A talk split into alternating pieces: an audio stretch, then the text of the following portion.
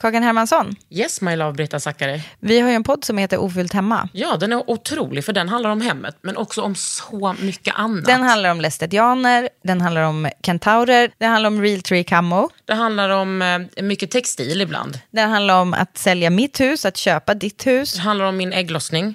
Alltid. Ja. Min också. Tack. Den heter Ofullt hemma och den finns där poddar finns. Hörs i podden, hej då! Since 2013, Bombas has donated over 100 million socks, underwear, and t shirts to those facing homelessness.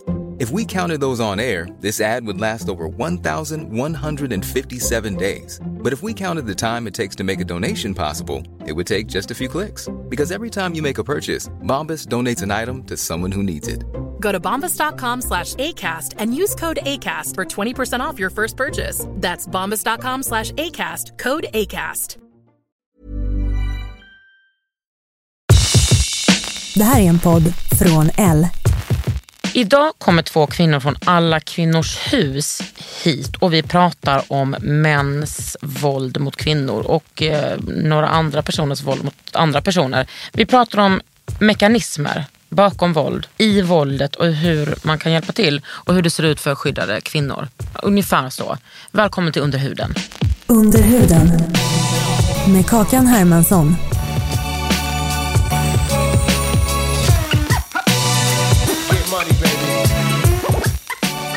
Aldrig under en enda poddinspelning eh, fått så många frågor som jag har fått till er. Jaha, vad roligt. Ja, men det är ju för att eh, jag tänker att mäns våld är någonting som engagerar väldigt många. Och också mina följare är ju feminister. Mm. Men ni jobbar på Alla kvinnors hus. Vad är det? Ja, dels är det ett skyddat boende för, eh, för kvinnor, även män som är utsatta för våld i nära relation. När man tänker kvinnojour tänker man nog på att det är framförallt kvinnor som bor där. Men det är, vår största gru- grupp är ju barn. Vi har väldigt, väldigt många barn som bor på Alla kvinnors hus. Men de kommer dit med sina föräldrar. Alltid. Ja. Har ni, får man ta med sig djur? Ja, En riktig Karin Holmberg-fråga. ja, Ja. det får man. Absolut. Ja. Ja. Men och för att det är inte så vanligt att man får ha djur på boenden. Eller är det vanligare nu?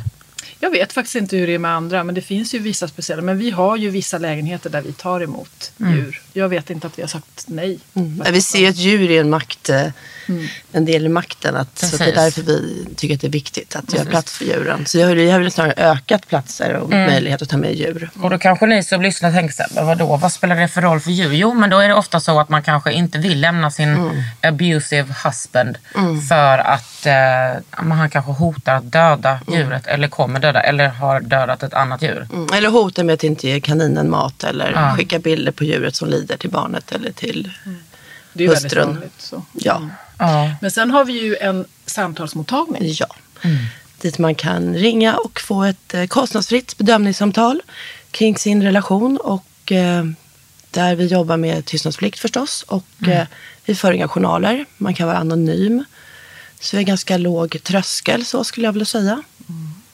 När kan man söka sig till de samtalen? Jag tänker att man vet någonstans att man inte mår bra i en relation. Man känner det. Och då kan man på något sätt se lite grann att ringa till oss och eh, få någon som, lite orienterings, orienterande samtal. Att kanske komma dit och säga att det känns fel när min, min partner kommer hem. Det känns obekvämt i magen. Han tar över livsutrymmet i vardagsrummet. Så kan det vara. Så att det är något som känns fel eller någon form av svartsjuka eller att man har en partner som säger gör vad du vill, jag stöttar dig. Men när man gör vad man vill så blir det ofta konflikter eller tyst uteslutning. Ehm, Det här psykologiska våldet eh, fokuserar vi väldigt, väldigt mycket på. Det är ju väldigt omfattande. Men för det är också alltid så det börjar, eller hur? Mm. Ja, det är en förutsättning för fysiskt våld, det psykologiska våldet. Att, kon- att kontrollen börjar så på något sätt. Ja, att det kan ju handla om psykologiskt våld. Det kan ju vara förvirring, man bestämmer saker, det skrivs som i sand. Um, ena dagen gäller en sak, nästa dag gäller någonting annat. Att känna sig, jag tänker att ett hem ska ju vara den plats där man kan känna sig bekväm, sätta på sig ett par mysbyxor, sätta upp håret i en knopp och känna här är jag hemma och trygg och lugn. Tänk att leva i ett liv där du kommer hem och känner att där mår du dåligt eller känner dig osäker eller En krigszon. exakt. Ja, alltså- och alltså jag tror inte... Att om man har lite insikt i så här, jourverksamhet, då förstår man ju att, eh, att hemmet är ju en krigszon för så sjukt många kvinnor och eh, andra personer, men främst kvinnor. Men jag tror man inte kanske riktigt fattar hur omfattande det är. Men ni har alltid fullt eller? Nej, det har vi inte. Inte? Nej. Det låter ju underbart. Eller gör det. Det kan ju vara tvärtom Ja, också. att de borde komma Varför till er. man inte placeras. Man kanske borde komma till oss oftare. Mm. Så är det. För det är en kostnadsfråga också för socialtjänsten. Mm. Och va, vem är det som bestämmer vem som får komma till er och liksom gömmas hos er?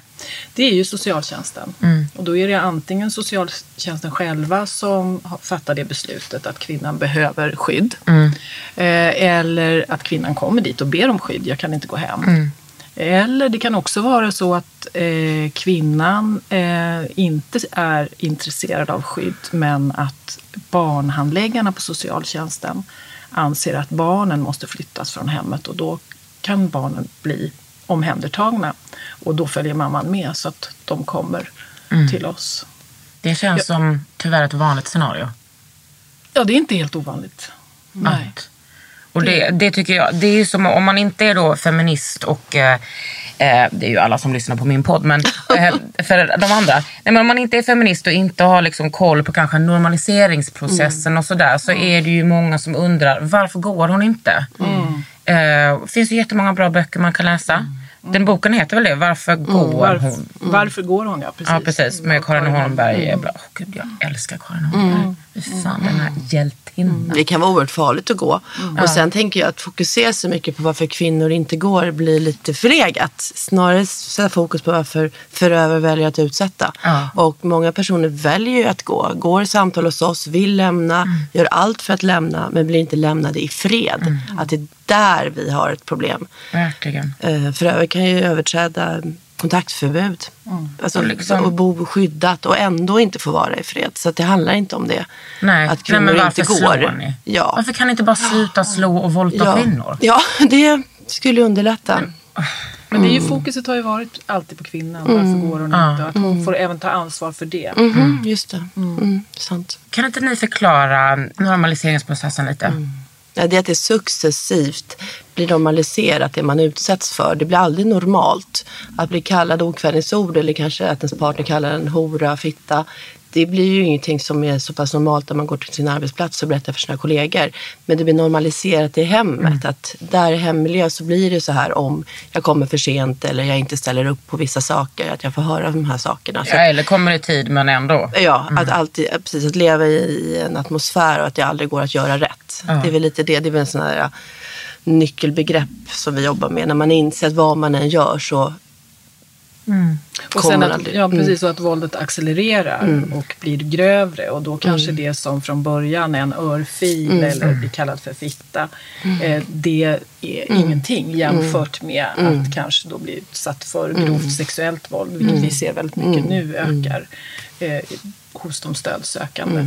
Så, och då blir det lite mer normalt. Nej men det var ingenting, det var lite tjafs kanske bara. Så man måste gräva lite, vad betyder tjafs? Vad betyder bråk? precis. Ja, men också att som, alltså, den erfarenheten jag har att, att många kvinnor kan tycka att, inte, inte att det är skönt att få stryk såklart, men att när det är över så kan mannen bli eh, be om ursäkt, att, liksom, att det har legat i, i, i liksom luften så länge, snart får jag stryk, snart får jag stryk. Om man har fått det, då är det över för en liten period. Och han kanske blir, liksom, han blir kanske ursäktande och lite varm. Mm, det här våldscykeln, ja, för det är ju den här växlingen mellan våld och värme. Som, som det, och där kan ju vissa kvinnor då kanske provocera fram också våldet. För att man känner att det stegras, det finns en spänning som ökar, ökar, ökar. Eh, ja. Mm. Men sen vet vi också att den här våldscykeln, att det, blir, det accelererar ju också. Det kan vara mycket mindre som krävs för en våldshandling och, och de här för, försoningstiden blir kortare. Och sen får vi inte heller glömma bort att alla kvinnor utsätts inte för fysiskt våld. Utan att den här cirkeln kan ju också innebära att man faktiskt inte utsätts för fysiskt våld utan att det är ett ständigt psykiskt våld eller sexuellt våld. Ja. I normaliseringsprocessen också så finns ju det här begreppet livsutrymmet. Um, ens privata sfär, hur den sakta krymper. Och det sker ju också på det eller psykologiska sättet. Att man lever ofta med någon som tycker att man ska vara social, göra saker och göra karriär men att omöjliggörs på olika sätt med olika handlingar. Det gör ju Karin Holmberg en väldigt bra Mm. illustration av när hon står med ett A4-ark och bara river av. Till slut så har man bara en liten, liten, liten plutt kvar. Vad synd, nu ser man inte ditt, eh, Nej, ditt precis. rivande här. Nej, men man kan, ni kan, som lyssnar, ni kan ta upp ett fantasi för A4 och så river ni av och så precis. tänker ni, jag är Karin Holmberg. Ja, precis. Jag är Karin Holm. Så drar bort en liten bit. Du får inte umgås med dina vänner. Men det är Du det. får inte ha de här kläderna. Jag gillar inte att din mamma pratar så här om mig. Ba, ba, ba. Eller umgås med dina vänner men så är det grinigt när du kommer hem från Ja, dina vänner. Ja, men, eller också, eh, som man har upplevt många gånger, att så här, alltså, dina kompisar, de är liksom inte bra för dig. De är inte schyssta. Du är så konstig varje gång du har träffat din kompis. Gud, ja.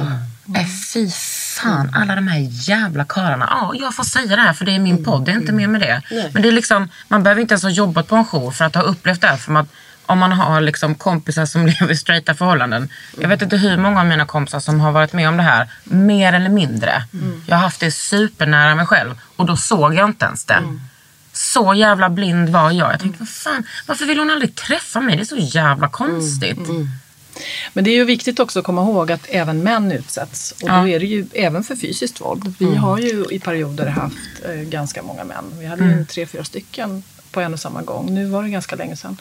Men det är viktigt att komma ihåg att våldet finns ju inom samkönade relationer och män mot kvinnor och kvinnor mot män. Även om majoriteten naturligtvis är män mot kvinnor och män mot barn. Många utav våra barn är också väldigt utsatta. Men jag, ni är unison va? Ja. Ja, jag skrev, eh, jag var typ redaktör för ROKs eh, kvinnotryck, en, ett nummer. Jaha. Och då intervjuade jag Karin om, eh, liksom, om våld i samkönade förhållanden. Och liksom, jag tror att om vi liksom drog det lite enkelt, att det var att med, eh, med lesbiska så är det eh, alltså vanligare med psykiskt våld. Med bögar är det, alltså allting börjar med psykiskt våld. Och sen så, med bögar är det liksom, går det snabbt över till sexuellt våld. Och att, men att det ser, patriarkatet finns i alla slags relationer. Men vad har- hur har ni fördelningen? Är det, är det många straighta män som är hos er? Ja, det har vi haft. Både och. Många pappor med barn. Och då är det ofta missbruk, kanske hos mamman, eller psykisk sjukdom i grunden. Mm. Och vad är det med de här straighta männen då som slår sina kvinnor? Varför slår de? Är det missbruk och psykisk sjukdom eller är de bara män? Jag, jag, tyck, jag jobbar ju på boendet s- och har samtal där. Eh, och tycker att väldigt många av de männen som är där har ju någon form av psykisk ohälsa. Kriminalitet. Alltså du menar alltså männen som kvinnorna gömmer, gömmer sig sig från? från. Ja. Ja. precis. Att det finns väldigt mycket. Och jag tror att jag ser mindre av det på samtalsmottagning. Att, att det är mera etablerade män i samhället med vanliga yrken, IT-tekniker och egenföretagare. Alltså van, vanliga män. Och ehm, där de lever ut och sett i ganska jämställda relationer. Men att det, det förekommer och det här våldet. Och det ser vi ju hos oss också ibland. Mm. Men ofta är det ju också så att är man lite mer etablerad eh, så har man kanske andra lösningar. Att man kan bo på, no- man har andra resurser Mm. att lösa sin situation om man behöver fly och Mm. gömma sig. Eh, Så det är väl därför också. Så det, det är väldigt svårt att dra några slutsatser, Ja. generella slutsatser. För Ja. det ändras. Men Det man kan säga är att en vältalig, välformulerad, välutbildad man kan vara mycket svårare och farligare förövare. Gud ja. Man lyssnar på honom, socialtjänsten lyssnar på honom. Alltså det blir, och lever man i, i, i en relation med våld så, som utsatt så mår man ju inte bra och blir ju skör och kanske inte kan framställa sig som speciellt ordentlig eller duktig eller förmögen. Och då, då blir makten där ännu svårare. Ja, då kan han ju tuta i socialtjänsten vad som helst. Absolut. För vi vet ju liksom att kvinnors handlingsutrymme är mer begränsat än mäns, eller mödrars gentemot fäders. Det är sånt vi ser liksom. Hur, hur kom ni in på att jobba på med liksom den här frågan? Jag brukar tänka så att jag var ganska ung när jag började få inblick i eh, våld i nära relation och fick så här, som jag brukar beskriva, könsglasögon tidigt. Det var ur teoretiskt perspektiv via universitetet men sen kom jag i kontakt med Alla Kvinnors Hus tidigt 90-tal och var volontär, då hette det jourkvinna. Så att jag kom in den vägen och har liksom varit engagerad i oerhört många år. Men det är väl lite grann också, jag har ju också fått vara med om en utveckling. Det är som du sa Anneli, att lite grann att ibland har vi inte placeringar. Man tänker, kan det vara så att det blir bättre i samhället? Men så ser det ju inte ut. Och då kan jag känna att jag är på samma plats men jag är med om en organisation som växer för att vi behöver växa, vi gör bra saker och det är, eh, det är samhällsutveckling jag är med i. Och jag har svårt att inte se, jag har svårt att se vad jag skulle kunna göra istället när man redan jobbar med, med någonting så viktigt. Ja, gud, och sen ja. är det väldigt psykologiskt intressant. Men det är klart, det är många år och eh, med glasögonen sitter där. Men vilken slags, eh, om jag, nu har jag ju, ser jag, tänker jag, mina fördomar direkt om det. Har löst genus? På min tid, när jag är så pass gammal, så hette det inte genus. Nej. Så, så. Det hette Men jag något kan, annat. ja, Ja. precis. Men vad, vad har du för liksom feministisk bakgrund? Jag har läst feministiska studier, hette det då. Oj, oj, oj. Men det läste jag redan i väldigt länge sedan Ja. i Köpenhamn faktiskt. Så att jag har liksom absolut feministiskt förankrad, definitivt. Mm. Eh, så är det. Och eh, det har man ju med sig även som privatperson och hur man fostrar sina söner och Mm. livet i övrigt. Så är det ju. Och Anneli? Ja, eh, jag har eh, inte jobbat med just våld i nära relation eh, lika länge som du. Men jag jobbade med missbruk innan. Eh, och jag blev också väldigt tidigt, eh, fick upp ögonen för att det förekommer våld. Eh, och det på nära håll när jag själv växte upp. Eh, och det är väl mycket det som har drivit mig också i mitt arbete och överhuvudtaget. Att man på något sätt eh, ja, fortsätter och någon som frågar mig, ska du aldrig sluta att vara i våld? Men nu är man ju på ett annat sätt. Och det handlar ju om just den här psy- psykologin, alltså att förstå. Försöka liksom eh, den här mekanismerna. Vad är det som får människor att förändra sig? Det var ju likadant med missbruket där. Att man, eh, det är intressant att se. Människan har en sån enorm kapacitet till förändring. Och att, att eh, det finns liksom det kanske låter lite konstigt men det finns någon form av tjusning liksom i att få vara med på en liten, liten del i en människas resa. Tycker jag inte låter konstigt alls. Och, den, och just att man gör någonting viktigt också. Det tycker jag. Ja, men också tänker jag när man jobbar med mäns våld som, alltså, på det sättet att vad, vad fan ska man göra annars när man har sett det där? Ja. Sen tänkte jag så här någonstans också som jag brukar säga till en kollega att hur, hur länge man än jobbar med frågan så hör man alltid nya saker. Eh, hur en förövare kan vara tr- extremt fantasifull i sitt sätt att, att eh, förgripa sig. Och det blir också någonting att man behöver väldigt många års erfarenhet också för att kunna hänga med i att göra förändring. Det, det kan vi ju slås av att hur eh, Herregud, det har vi inte hört. Det var också ett sätt att, att på något sätt förminska eller förnedra. Eller, En sak som jag tänker, eh, som ofta kommer upp tycker jag är hur många män kan kontrollera kvinnors utrymme genom att kontrollera vad de har gjort på sin telefon eller på nätet. Och där har ju liksom jourerna blivit så bra med att om man går in på liksom alla ers hemsidor så finns det en knapp lämna. Så syns det inte på, eh, på liksom webbsök. Och att om man ringer er så syns det inte på telefonräkningen. Och, det, men jag tänker så här liksom att det som är det mest hårigaste det är väl att göra små saker i vardagen som blir stora konsekvenser. Nu bara kommer jag på en sån där sak som en kvinna sa i förbigåendet. Hon hade aldrig någon privat sfär i sitt liv och det kan vi väl förstå att det kan vara svårt så i allmänna lag. Men att han eh, hade skruvat bort lås på toalettdörrarna. Och det är väl en sån där sak som, det är klart att det går att, att gå in och duscha och vara i fred, men det blir ju inte samma sak att veta att jag kan aldrig låsa om mig någonstans. Sådana saker, att, så här små saker. som är helt sjuka i huvudet. Ja, Ja. Jag hade en, en kvinna för många år sedan eh, när jag jobbade inom missbruk eh, som berättade han, det här som är lite gaslighting. När, man, när man försöker få kvinnan att tro att hon är galen. Mm, så. Genom att flytta på saker, eh, sätta på spisen. Oj, du har glömt att sätta på, säga att hon inte har låst dörren och lite sådana här saker där hon börjar tvivla på sig själv. Och, och är jag galen eller stämmer det här? Ja men så här gaslighting, precis jättebra så att man bestämmer den här jämställda relationen då att det är han som ska hämta och hon får jobba över och ha en, en, lite mer tid på jobbet. Och så ringer pedagogen och säger hallå Märta är inte hämtad. Bara hon ringer upp sin partner som säger du skulle hämta, har jag aldrig sagt. Det har aldrig bestämt. Och då ta på sig det, men gud det är jag som är dålig mamma som inte hämtar Märta. Hur tänkte jag nu? Istället för att bli hallå vi har bestämt. Och det här liksom i ett större perspektiv. Men för gaslighting är väl, alltså tänker jag för allmänheten, Ja. eh, ett ganska nytt eh, begrepp. Men det förklarar så sjukt mycket. Den manipulativa psykiska jävla terrorn. Som kan vara allt från ganska alltså, light till eh, alltså, riktigt psyk. Och det här som du tog upp med telefonerna. Det, idag är ju väldigt lätt för en förövare att, ha kontroll på sin kvinna då.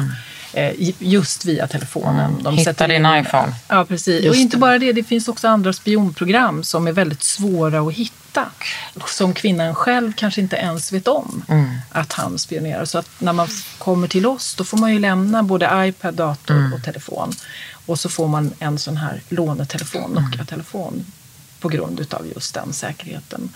Och det är ju, jag menar det, den branschen och den världen är ju så ny. Det händer saker hela tiden. Vi hade ju ett barn som av olika anledningar ändå fick tillåtelse att spela ett spel på sin mobil för att han klarade helt enkelt inte av att lämna ifrån sig. Eh, Vilket innebar att han spelade det här Pokémon Go och ja, på ja, olika ja. sätt så visade det sig då att då kunde förövaren hitta dem via det. Så nu gick det bra. Vi kunde flytta familjen innan han dök upp. Men, men att vi också lär oss hela tiden, ah okej, så här, vi måste, man måste vara på alerten. Ja, det är, och det är ju livsfarligt för, för familjen men också för alla andra som bor på, på det boendet och för er som jobbar där. Får ni ofta besök av, av liksom förövarna? Nej, det får vi faktiskt inte. Gud vad skönt. Och vad beror det på? Jag vill ju tro att det beror på att kvinnorna som kommer till oss faktiskt eh, eh, inte avslöjar var de bor. Och att eh, ja, de få personer som känner till var de bor, att, att alla ändå håller tyst om var det är någonstans. Ser ni liksom när, när kvinnorna kommer in och eh, jag har ju insyn eftersom min, en, en kompis, nära vän till mig jobbar på en jour. Jag har haft många kompisar som har varit, jag har jobbat lite med sådana verksamheter. Hur är kvinnorna med varandra? Hittar de varandra? Berättar de för varandra? Jämför de? Kan, hit- hittar de någon slags stöd i varandra? Ja, men det, det kan de absolut göra. Men det är också väldigt individuellt. Det är ju individer som kommer till oss med olika personligheter. Och är man eh, social person eh, innan så är man en social person även hos oss. Och tvärtom. Eh, så att det är väldigt eh, olika och många eh, väljer ju att hålla sig lite för sig själva och sen att det kommer också människor från olika länder. Ibland kan det vara språksvårigheter som gör också. Men absolut, det är många som finner varandra och vi hör och träffar på att de har fortsatt att umgås efter och så. Och många gånger är det ju så att som kvinna och levt länge i en eh, våldsam relation så tror man ju att man är unik, att man är själv. Och när man kommer in på ett boende så får man träffa andra eh, som har varit i samma situation. Man får prata med oss och börja förstå att oj, det finns ord för det här. Eh, Det här är någonting allmänt som händer oss alla på olika sätt som drabbas av det här. Så det, det blir ju en öppning. Hur ser liksom, um, samtalen ut med kvinnorna?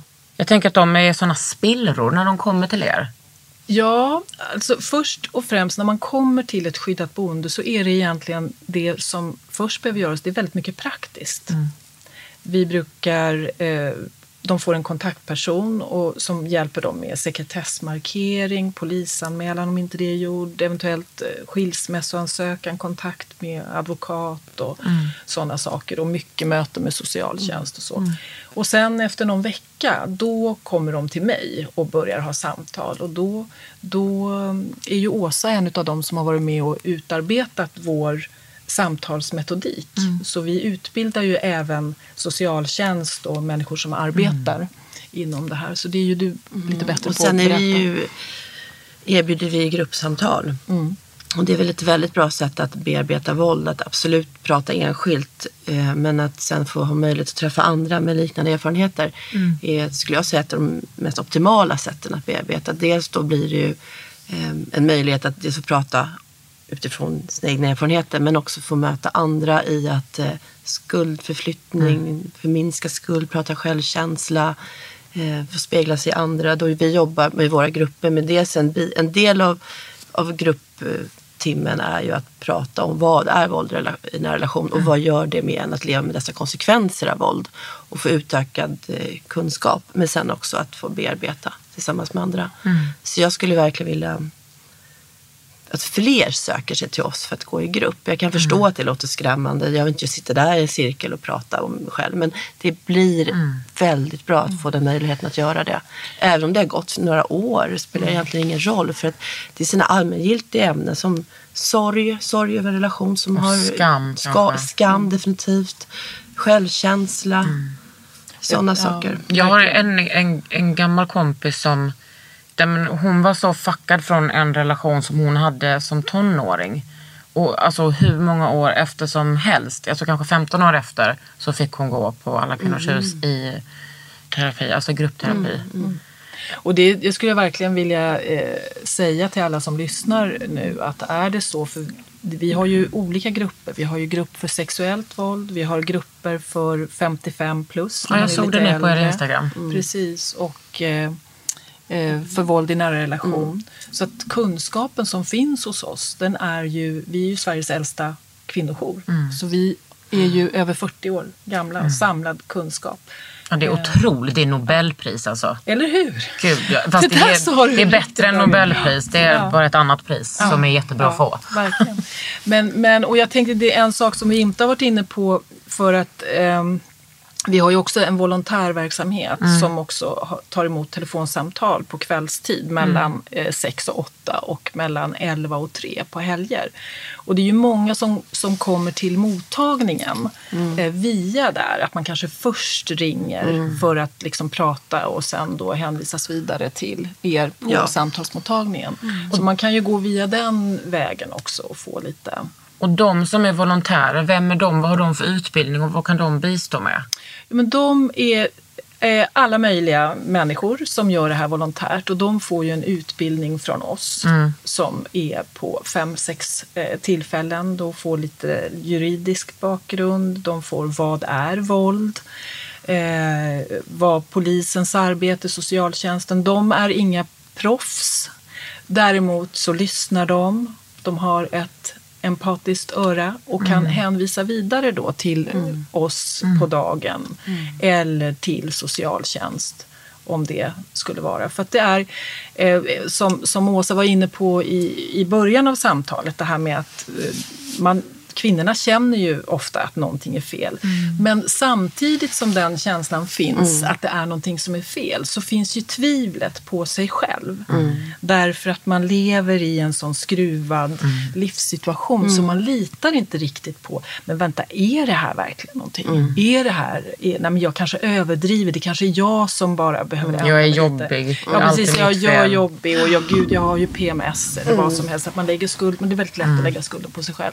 Så därför är det bra då kanske att man kanske slår en signal och får just höra, nej men du, är, du har rätt. Lyssna på dig själv. För jag menar, där, man behöver inte leva i ett misshandelsförhållande för att vara för att liksom vara kritisk. Vi kvinnor är uppfostrade att liksom vara kritiska mot oss själva. men och också ta så sjukt mycket ansvar i alla sociala relationer. Så att vi har ju inte den bästa förutsättningen om man säger så. Nej. Under huden. Mother's Day is around the corner. Find the perfect gift for the mom in your life with a stunning piece of jewelry from Blue Nile. From timeless pearls to dazzling gemstones, Blue Nile has something she'll adore. Need it fast? Most items can ship overnight. Plus, enjoy guaranteed free shipping and returns. Don't miss our special Mother's Day deals. Save big on the season's most beautiful trends. For a limited time, get up to 50% off by going to BlueNile.com. That's BlueNile.com. Wow! Nice. Yeah! What you're hearing are the sounds of people everywhere putting on Bombas socks, underwear, and t-shirts made from absurdly soft materials that feel like plush clouds. Yeah, that plush. And the best part? For every item you purchase, Bombas donates another to someone facing homelessness. Bombas. Big comfort for everyone. Go to bombas.com slash ACAST and use code ACAST for 20% off your first purchase. That's bombas.com slash ACAST. Code ACAST. Men den vanligaste frågan som jag fick då när jag bad mina Instagram-följare om frågor till er var hur fan pallar ni? Kanske inte riktigt den formuleringen, men det undrar jag. Hur pallar ni? Jag tänker att väldigt mycket handlar om att ha en förmåga att kunna lämna ifrån sig när man går från arbetet. Att vara professionell där och då. Men sen tror jag också att vi är väldigt duktiga på att ta hand om svåra saker. Det finns ju ganska mycket humor, ett förhållningssätt. Så. Men, men det är klart att det är ju svårt att, nå, att backa hem fullständigt från jämställdhetsfrågor. För det finns ju runt om oss hela tiden. Och jag kan ju känna det också att jag kan ju definitivt höra svåra saker på mitt jobb.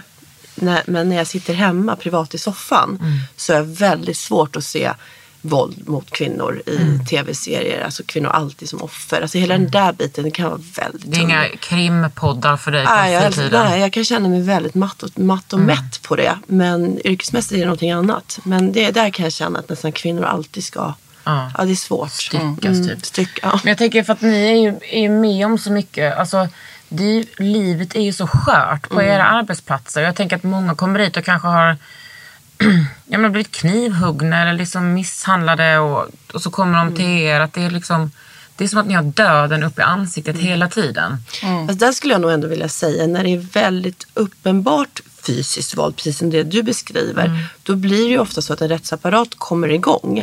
Det jag kan tycka är mer frustrerande, det är då kvinnor som lever i omfattande sexuellt våld eller psykiskt våld, där det faktiskt inte är polisanmält. Jag jobbar oerhört mycket med mörkertal. Siffror är ganska ointressant för mig, för nästan alla kvinnor jag träffar är det be- berömda mörkertalet. Så att jag har ju svåra svåra saker som aldrig kommer till polisens kännedom. Och det kan jag snarare då tycka är svårt att... Eh, det är mer frustrerande. den Precis. Ja. Nej, men jag, jag kan ju skriva under på allt det du säger just det här att jag tittar inte heller på våld eh, privat och så. Eh, och, eh, och jag tänker också att det har att göra med en rutin. Att man jobbar med människor. Jag jobbar med människor jag tänkte på det i morse i 44 år. Så man har ju, haft, man har ju tränat väldigt mycket på att lämna jobbet på jobbet. Och, ehm, men det, ibland kommer det, jag vet att jag vid ett tillfälle stod framför ett barn och jag jobbar egentligen inte med barn utan jag hamnade i en, en situation eh, som var väldigt svår. Och där jag liksom nästan kunde se mig själv utifrån och där jag tänkte så här, om jag hade sett den här scenen på tv nu, då hade jag storgråtit. Men nu händer den mig i verkligheten och då måste jag agera. Så att det är ju precis att man har en, en professionell person och en privat person. Men all den ångesten som ni har på er arbetsplats, vad gör ni av den? Går ni också i samtal? Men vi har handledning. ja, och sen så skrattar ju vi enormt mycket.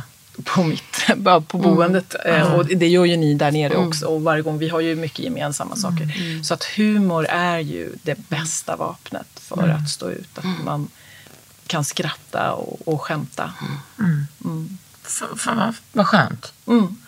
Men när ni pratar om eh, liksom det sexuella våldet, kan inte ni berätta lite hur det kan se ut? För att eh, jag tycker det är bra med detaljer. Ja, men sexuellt våld i nära relation, det är det du frågar om nu. Då är det ju kanske väldigt, väldigt mycket så här, vi skriver 2020 nu och ändå så förekommer väldigt mycket det här vi beskriver som husfri sex. Man ställer liksom upp för att det ska vara en relativ harmoni hemma.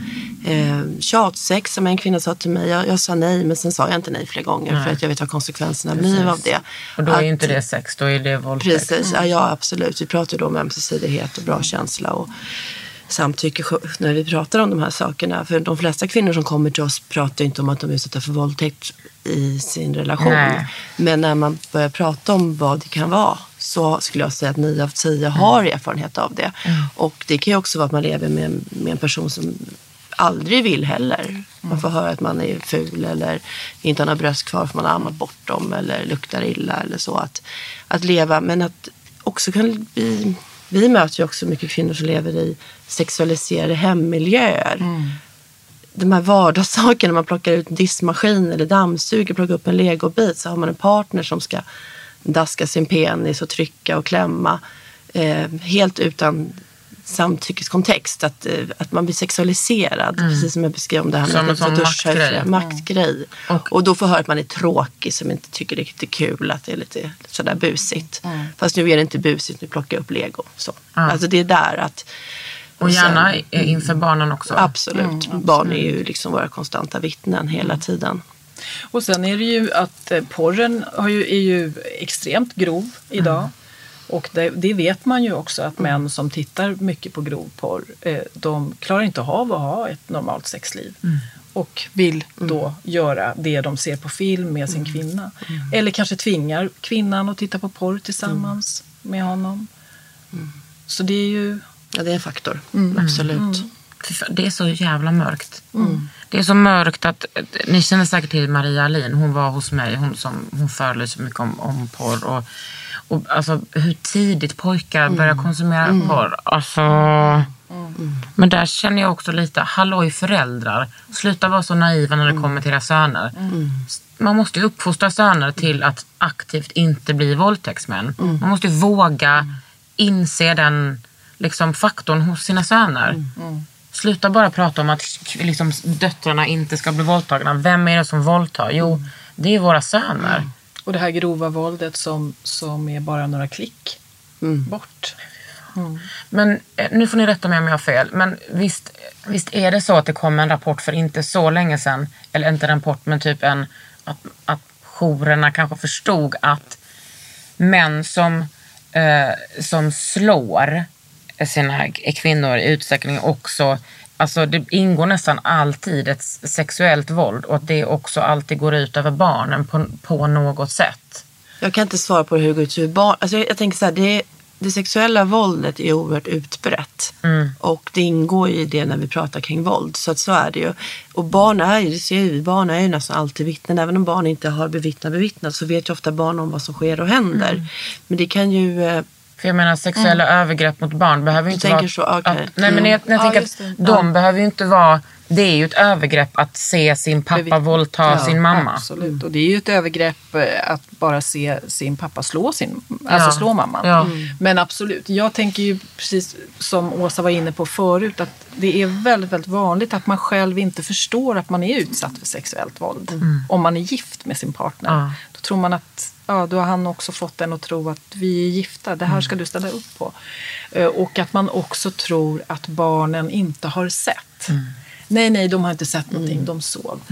Och vi har ju en barnkontaktperson på vårt eh, boende som pratar med barnen. Och, alltså, barn hör, barn ser, Men- barn vet. och barn så förstår. Ja, och de förstår vad som Ja. händer. Så, så det blir ofta en, en liten eh, överraskning för mamman. För, Som har kanske trott att det här har skett bakom lyckta dörrar. Men, men tyvärr är det sällan så. Då, fy fan vad mycket ångest. Mm. Fy fan vad mycket ångest alltså. Varför kan de inte bara sluta? Är det för mycket begärt? Nej, det är det verkligen inte. Men det är ju just där vi önskar ju att vårt jobb inte skulle finnas. Men tyvärr så känns det ju lite grann som tvärtom. Det blir inte mindre. Nej, det blir inte mindre. Men har ni liksom, eh, sker det liksom på universitetet med så maskulinitetsforskning om varför män faktiskt slår? Det kan inte jag svara på. Nej, alltså jag, vi får nästan alltid den frågan och det blir lite grann att gå in i någon annans profession. Ja. Vi jobbar ju inte, vi lägger ju inte så jättemycket fokus på förövare på det sättet. Vi erbjuder ju sopar upp. samtal. Ja, lite så. Vi, vi, det är lite så här, äh, vardag, vi, vår vardag består ju av att, att, att arbeta med, med våldsutsatta. Så att, man har ju viss mått av arbetstid och viss mått av tid i livet. Så att vi är inte, kanske inte bäst på att besvara Nej. det. Däremot måste vi ändå säga att eh, förövare är ju väldigt medvetna om vad de gör. Det är ingen, Många som är utsatta tänker sig, vet han om vad han gör? Eller vet personen om att det här, ja, man vet, man vet när man kör mot rött, man vet när man kränker någons personliga sfär, man vet när man stoppar in den när man inte ska stoppa in den. Alltså man vet. Så det är väl Precis. sånt att det finns en medvetenhet, det är riktat, det är kontrollerat. Sånt vet vi ju och det vet vi på grund av forskning. Och sen vill jag bara återkomma till det här med det sexuella våldet. Att även om man lever med en person som man kanske vill ha ett, sam- ett samliv med så kanske man inte vill ha vissa saker. Alltså man kanske vill ha ett vanligt, vad är nu ett vanligt samliv? Men att man vill inte bli fotad eller kanske inte vill bli filmad eller sådana saker. Att det är väldigt mycket gråzoner och därför blir det också väldigt svårt att, att inse vad man lever i. Det är ett väldigt komplext problem. Och just det här med kontrollera, att, Mm. att männen, nu pratar vi ju då ut, nästan uteslutande om män. Men Ja, jag i det vet. här fallet, Vi vi hoppar lite med ja, förövare precis, män. Med förövare män. Ja, men att de vet eh, vad de gör. Eh, Mm. För att det är ofta så här, men han vet inte, han ser rött, han kan Mm. inte styra sig. Nej, men han, gör han det här på ICA? Mm. När ni går på gatan? När ni är hemma hos dina föräldrar? Nej, det Mm. gör han inte. Det betyder ju att han kan kontrollera det. Så det är ju en viktig faktor att tänka på. Att det är kontrollerat, det är systematiskt, det är... Men det är Men det kan göra ett, väldigt ont att inse Mm. att jag lever med en person som faktiskt medvetet gör så här saker. fastän det är, sårar henne. För det var ju det du var inne på förut, du frågade varför går hon eller varför stannar hon och sådär. Det finns ju någonting och det är ju Karin Holmberg bland annat som har varit med och, och tagit fram det, just det här traumatiska bandet. Visst är det Karin Ja, som ja. har varit med? Ja. Och det är ju inte bara ett band som binder en till sin förövare utan det är ju väldigt många. Det är rä- rädslan för vad som ska hända. Det kan vara tryggare och säkrare att veta var han är. Därför stannar man för då har man kontroll.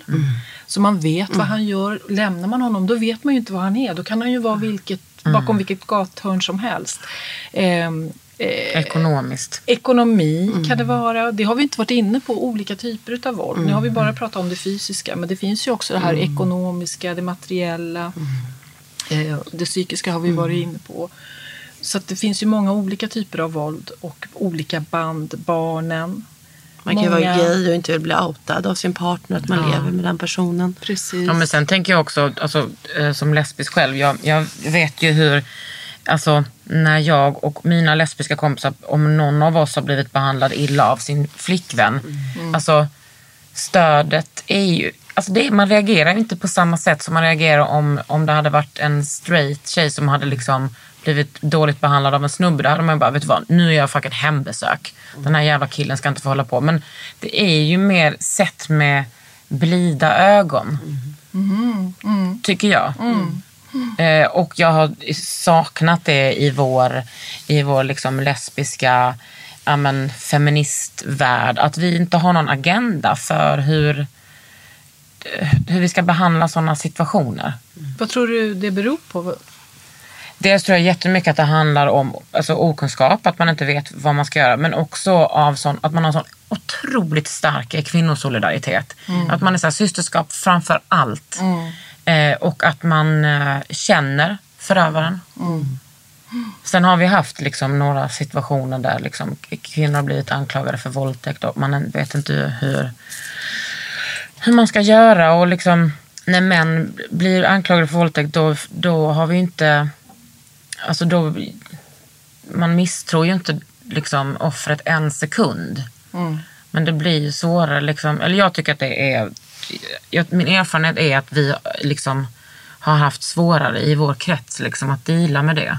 Och det kanske är därför att det inte har varit eh, accepterat i samhället så att vi har inte samma vana Nej, vid att hantera de frågorna. Så Nej, därför det är liksom lite- rätt nytt fortfarande. Men om man tänker då att våld är då makt och kontroll. Mm.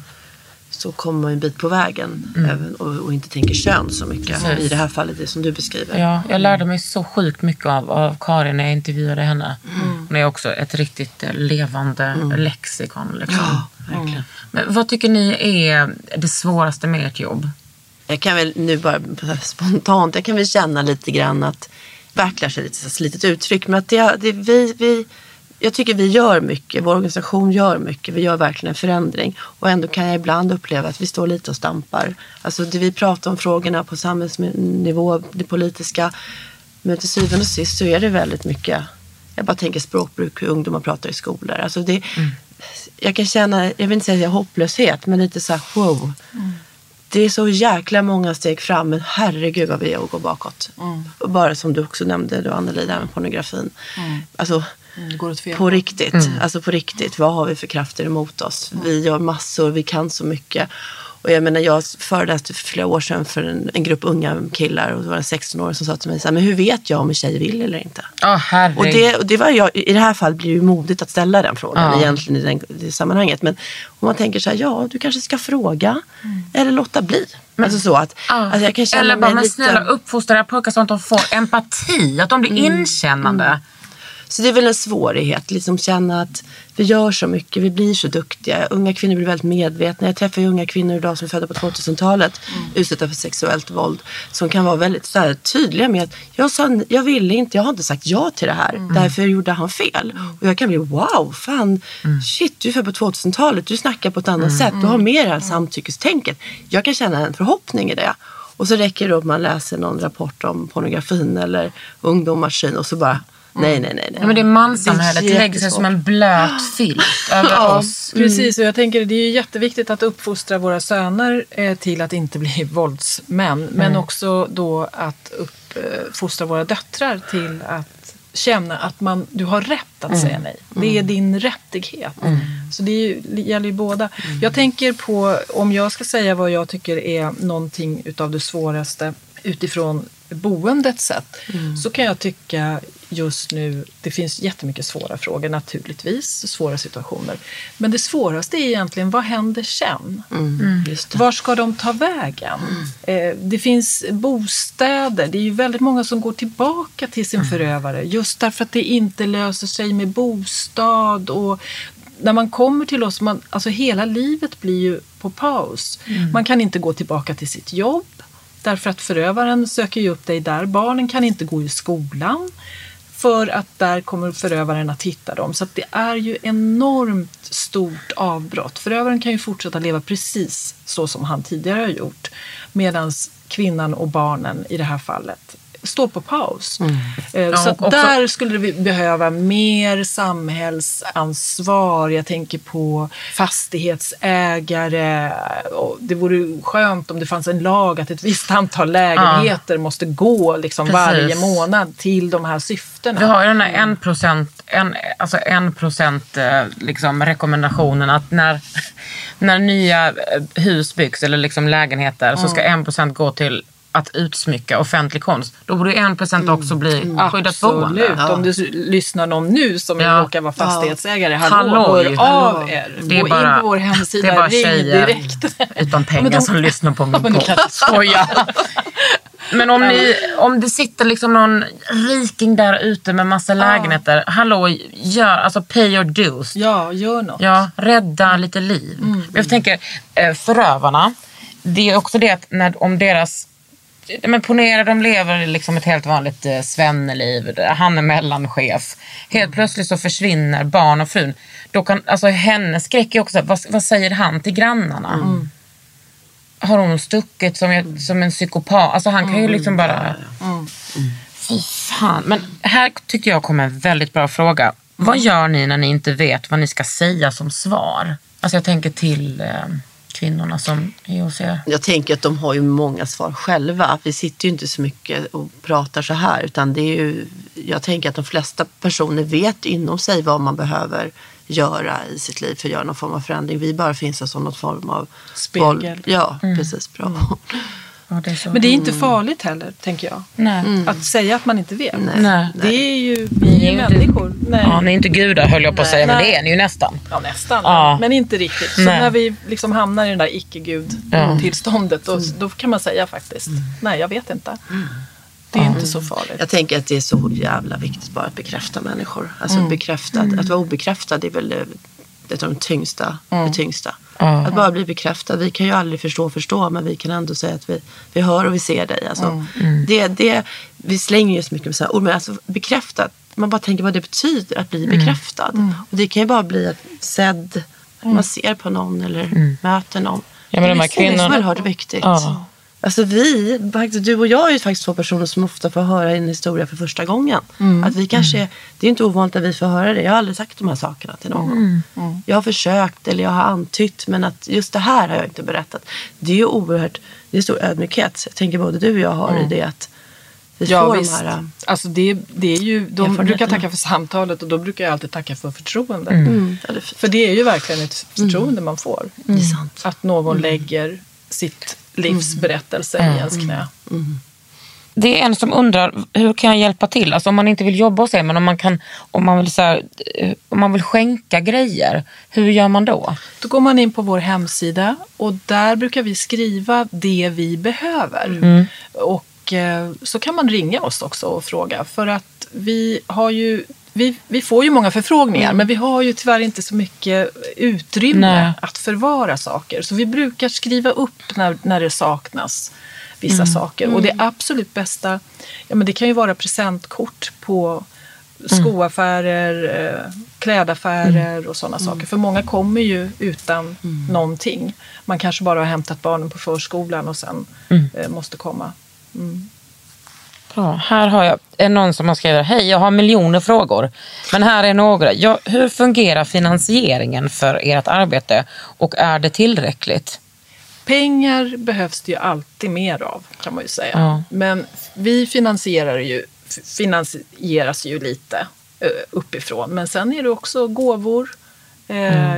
Jag har inga siffror, har du det Åsa? Nej, men vi söker ju verksamhetsbidrag varje Ja. år och sen har vi ju också det skyddade boendet genererar ju Ja, en del. Och sen har vi medlemmar. Man kan bli medlem. Jag tänker det är också ett sätt att stödja, stödja oss att bli medlem på Alla Kvinnors Det Hus. ska jag bli. Det är ju inte de största intäkterna kanske, men det säger ju inte någonting om hur många medlemmar vi har. Vi har runt 500 idag och vi har stått och stampat där de, de sista Men åren. vad- Så att bli medlem hos Alla Kvinnors Hus är också att visa att vi står bakom oss, tänker jag. Så Ni som, lys- gärna dina li- ni som lyssnare. Mm. lyssnar nu, då går ni in på, så om ni lyssnar på telefonen, då går ni in på er internet och så söker man bara Alla Kvinnors Hus. bli medlem. Så det skulle vara en sak, tänker en jag. annan sak att hjälpa och stödja oss det är ju faktiskt att sprida oss på Instagram Mm. och på andra, ja, Facebook, sociala medier. Så att fler människor eh, uppmärksammar Mm. och ser att vi finns. Tänk till exempel nu på alla hjärtans dag. Istället för, eller och, Ja. eh, för att köpa en blomma till någon som du älskar. Fan, sätt in en slant här till någon som har förlorat den de älskar och blivit liksom psykad och misshandlad av. Jättebra. Hur bra kampanj? Ja. Så himla bra kampanj. Tack. Jätte, Tackar vi för. Ja. Ja men det kan man ju göra. Jag brukar alltid eh, uppmana lite då och då att skänka pengar till Rosenlundsstödet. Men det är liksom i Göteborg, det är liksom alltid bara en- Alltså mäns våld och, och sexuella övergrepp, det är liksom, fy fan vad det tär på, på livets budget typ. Alltså det är bara, tänk så mycket roliga grejer vi hade kunnat hålla på med. Och det kostar, nu vi pratar väldigt mycket om det privata, alltså hur mycket det kostar för den enskilda individen, men vad det kostar på samhällsnivå. Det är enorma siffror. Man tänker polis, sjukvård, kuratorer, BUP, skola. Herregud vad våld i nära relation kostar vårt samhälle. Det är liksom hisnande. Det är Ja. Väldigt skrämmande siffror. Och barn, många barn som går sönder Mm. och som i, faktiskt har väldigt svårt att bli hela igen. Kostar ju enorma summor långt upp. Alltså Mm. många, många år efteråt. Kan man gå tillbaks till en man som har slagit en i flera år? Alltså kan män sluta slå? Nu blir ju återigen de här frågorna om, om män igen känner jag. Men jag tänker... Vi får Förövare. Vi, för, eller för, det var inte jag tänkte. Jag tänkte Nej. mer att eh, vi... Jag tänker alltså vi kan ju inte sitta och ge upp människor. Tänker att det är Nej. klart det går att förändra sig. Men om man kollar på era erfarenheter. Alltså, Vill man leva med en person det som beror har ju lite en så grann, ja men precis. Vill man leva med en person som har skadat en så mycket? Det är ju väl- Jag vet ju att det finns ju kvinnor jag har träffat som har fortsatt att leva där mannen kanske har slutat med sitt fysiskt, sina fysiska uttryck. Men att de här mentala, psykiska lever kvar. Och då blir det lite grann som, ja men jag slipper det ena men vad, är, vad är nivån på en bra relation? Så. Men vi kan ju inte sitta som en domedagsprofet och säga nej men det går aldrig. Det är klart att människor kan förändra sig, absolut. Och det finns ju verksamhet för män och inom kriminalvården och så. Så att jag vill vara positiv. Men jag tänker att livet är inte så himla långt och det finns många relationer. Så varför egentligen? Det sitter ju, men det finns ju ärr tänker jag. Fast jag, herregud, jag vet inte. Nej, nej, och det finns ju, det, jag tror att det är många ol- olika skolor också. Det handlar ju också, är det till exempel en människa som, som en psykopat, eh, då kanske det är svårare. Eh, Om man själv inte anser att man har ett problem. Vi möter ju många sådana kvinnor som har levt tillsammans med män som själva inte ser sitt problem. Som själva anser att de har rätten att göra detta. De vet och att har- allting är hennes fel. Och Ja. det, de männen känns ju lite svårare Mm. att de skulle förändras. Men jag tycker att det är bra att ni svarar på, fan vet, alltså vi vet inte. För att ni, alltså så här ser ju problemet ut. Det är ju skitviktigt Nej. att så här, ni som är de som kan mest om detta, att ni... Det kan vara så att vi möter kvinnor som säger så nej men jag vill inte lämna, jag vill leva i den här relationen, jag vill leva med honom. Men jag skulle vilja hitta, vi får verktyg i vår relation och kanske lära sig mer. Som en kvinna jag träffade länge som var utsatt för väldigt omfattande sexuellt våld i relationen. Men det slutade ändå med att hon valde att, att lämna eller separera. För att när hon fick insikt om vad hon faktiskt hade levt i under så lång tid och hennes barn och konsekvenser av det och hur hon hade förhållit sig till honom under många år. Då vill hon inte vara i den relationen. Nej, Så- thank God. Fy fan. Alltså det ja. hur ser liksom eh, säkerheten ut för er? Le, känner ni liksom att ni eh, lever... Eh, alltså känner ni er trygga på er arbetsplats? Ja, det är Ja, det är det. absolut. Gud vad skönt. Jag undrar lite... jag skräms över, jag, jag imponeras över kvinnor som går ut i media och pratar om de här sakerna. Alltså jag, jag skräms av näthat och sånt. Jag blir imponerad av kvinnor som pallar, orkar eh, prata. Vi jobbar ju väldigt dolt hos oss på det sättet. Anonyma, vi anonyma på det sättet. Vi gör mycket men vi hörs och syns inte kanske.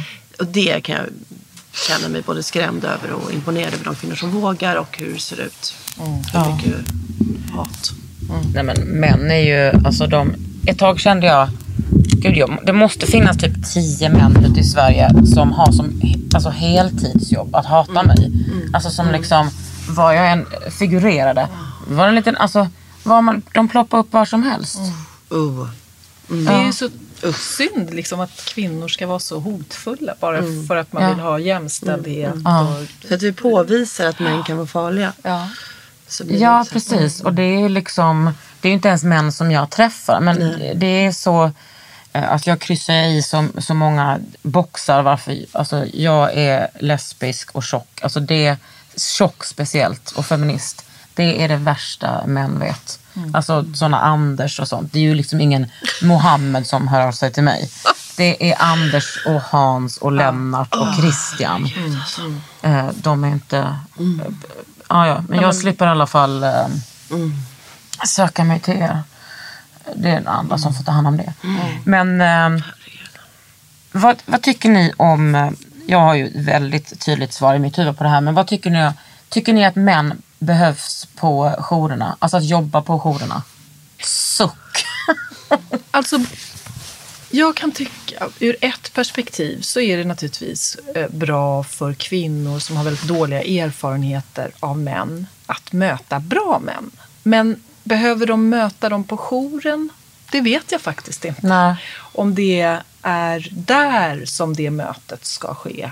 Nej, jag förstår inte varför den risken skulle behövas tas i ett sånt eh, känsligt skede. Alltså den risken, jag menar skulle du jobba, nej precis, jag, jag tänker inte att det kanske är någon risk, men kanske att det inte skulle vara bekvämt för kvinnan. Alltså det, det, vi tänker ju att det ska vara en fristad. Ja, precis. Så att det där, det är ingen lätt fråga att svara ja eller nej på. Men, men, Nej, men jag tänker- om jag som privatperson, Det får du, Anneli, får prata på. Precis, så kan jag kanske tycka att eh, jag ser ingen vits med Nej. att, han, att, att det ska jobba en man på Nej. själva boendet. Och det är också så sjukt att det ska liksom vara en känslig fråga för er att svara på. Kan, man inte bara, kan, inte liksom, kan inte bara män förstå? Vet du vad, ni kan ha ett, något annat jobb.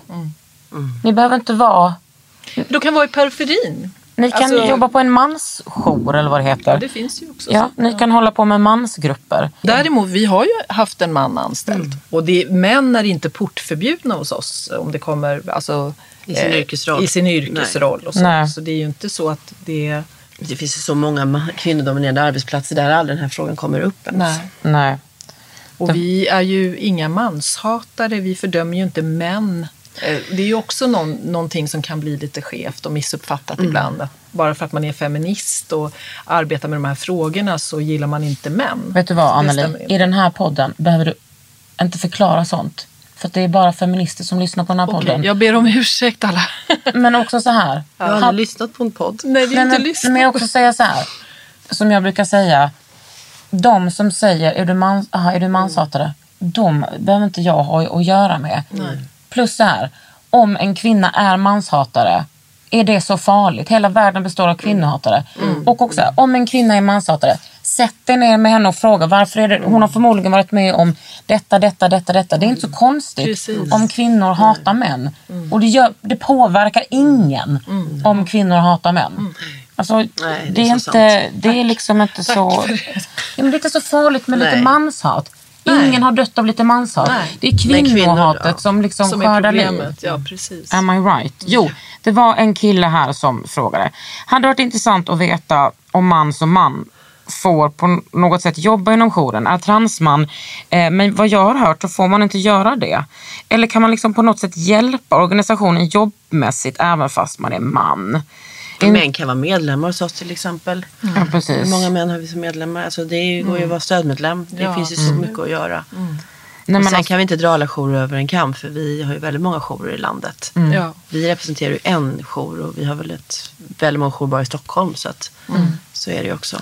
men är det nu, för innan var, alltså är det uppdelat nu, antingen är man ROX eller Unison? Alltså, de, flesta, alltså, de flesta jourer är medlemmar i en av de Ja, två precis. Organisationerna. Riks- de, riks, hur- riks heter det. Riksorganisationerna. Mm. Och hur skiljer de sig nu? För jag kommer ihåg att back in the days var det känsligt. Eller? Ingen aning. Nej. Som Åsa var inne på förut, vi jobbar på golvet. Vi är eh, naturligtvis tar del av eh, saker som Unison, men vi är inte inblandade i... Eh, jag vet att det har varit någon konflikt tidigare, så där. jag känner inte till. Utan vi Ni gör kämpar det vi ska. på. Alltså vet ni att det har liksom gått en timme nu? har du gjort det? Ja. känner jag lite Hur kändes det eh, med podden? Kändes det bra? Är det avstängt nu? Nej, det är absolut påstängt. Men jag vill säga alltså, tack för att ni kom hit och tog ett liksom, värdefulla tid och kom och delade mer av era erfarenheter. Jag tycker att ni är otroliga. Ni har världens viktigaste jobb. Och jag önskar jag kunde äga fastigheter som ni kunde få. Jag önskar jag hade så jävla mycket pengar så bara kasta över. Jag skulle köpa så alla ni kunde gå på spa för att ni fick chilla lite. Och jag önskar bara att jag kunde trycka på en stoppknapp. Sluta slå. Ja, verkligen. Sluta slå. Jag skulle vilja passa på bara innan då vi slutar att uppmana alla att följa oss på sociala medier och sen även dela vidare så att då, det är ju ett sätt att hjälpa. Att någon person faktiskt ser det här. Oj, okej, jag kanske ska våga slå en signal. Ja, och tänka liksom att mm, det finns ju vissa idéer om att ringa Kronors Hus så krävs det ganska mycket utsatthet. Så är det absolut inte. Nej. Jag kan tänka, ta tempo på sin relation. Ring oss. Det är bra. Jag heter Kakan Hermansson och ni har lyssnat på Under huden med Anneli, Åsa. Du har lyssnat på Under huden med Kakan Hermansson. En podd från L.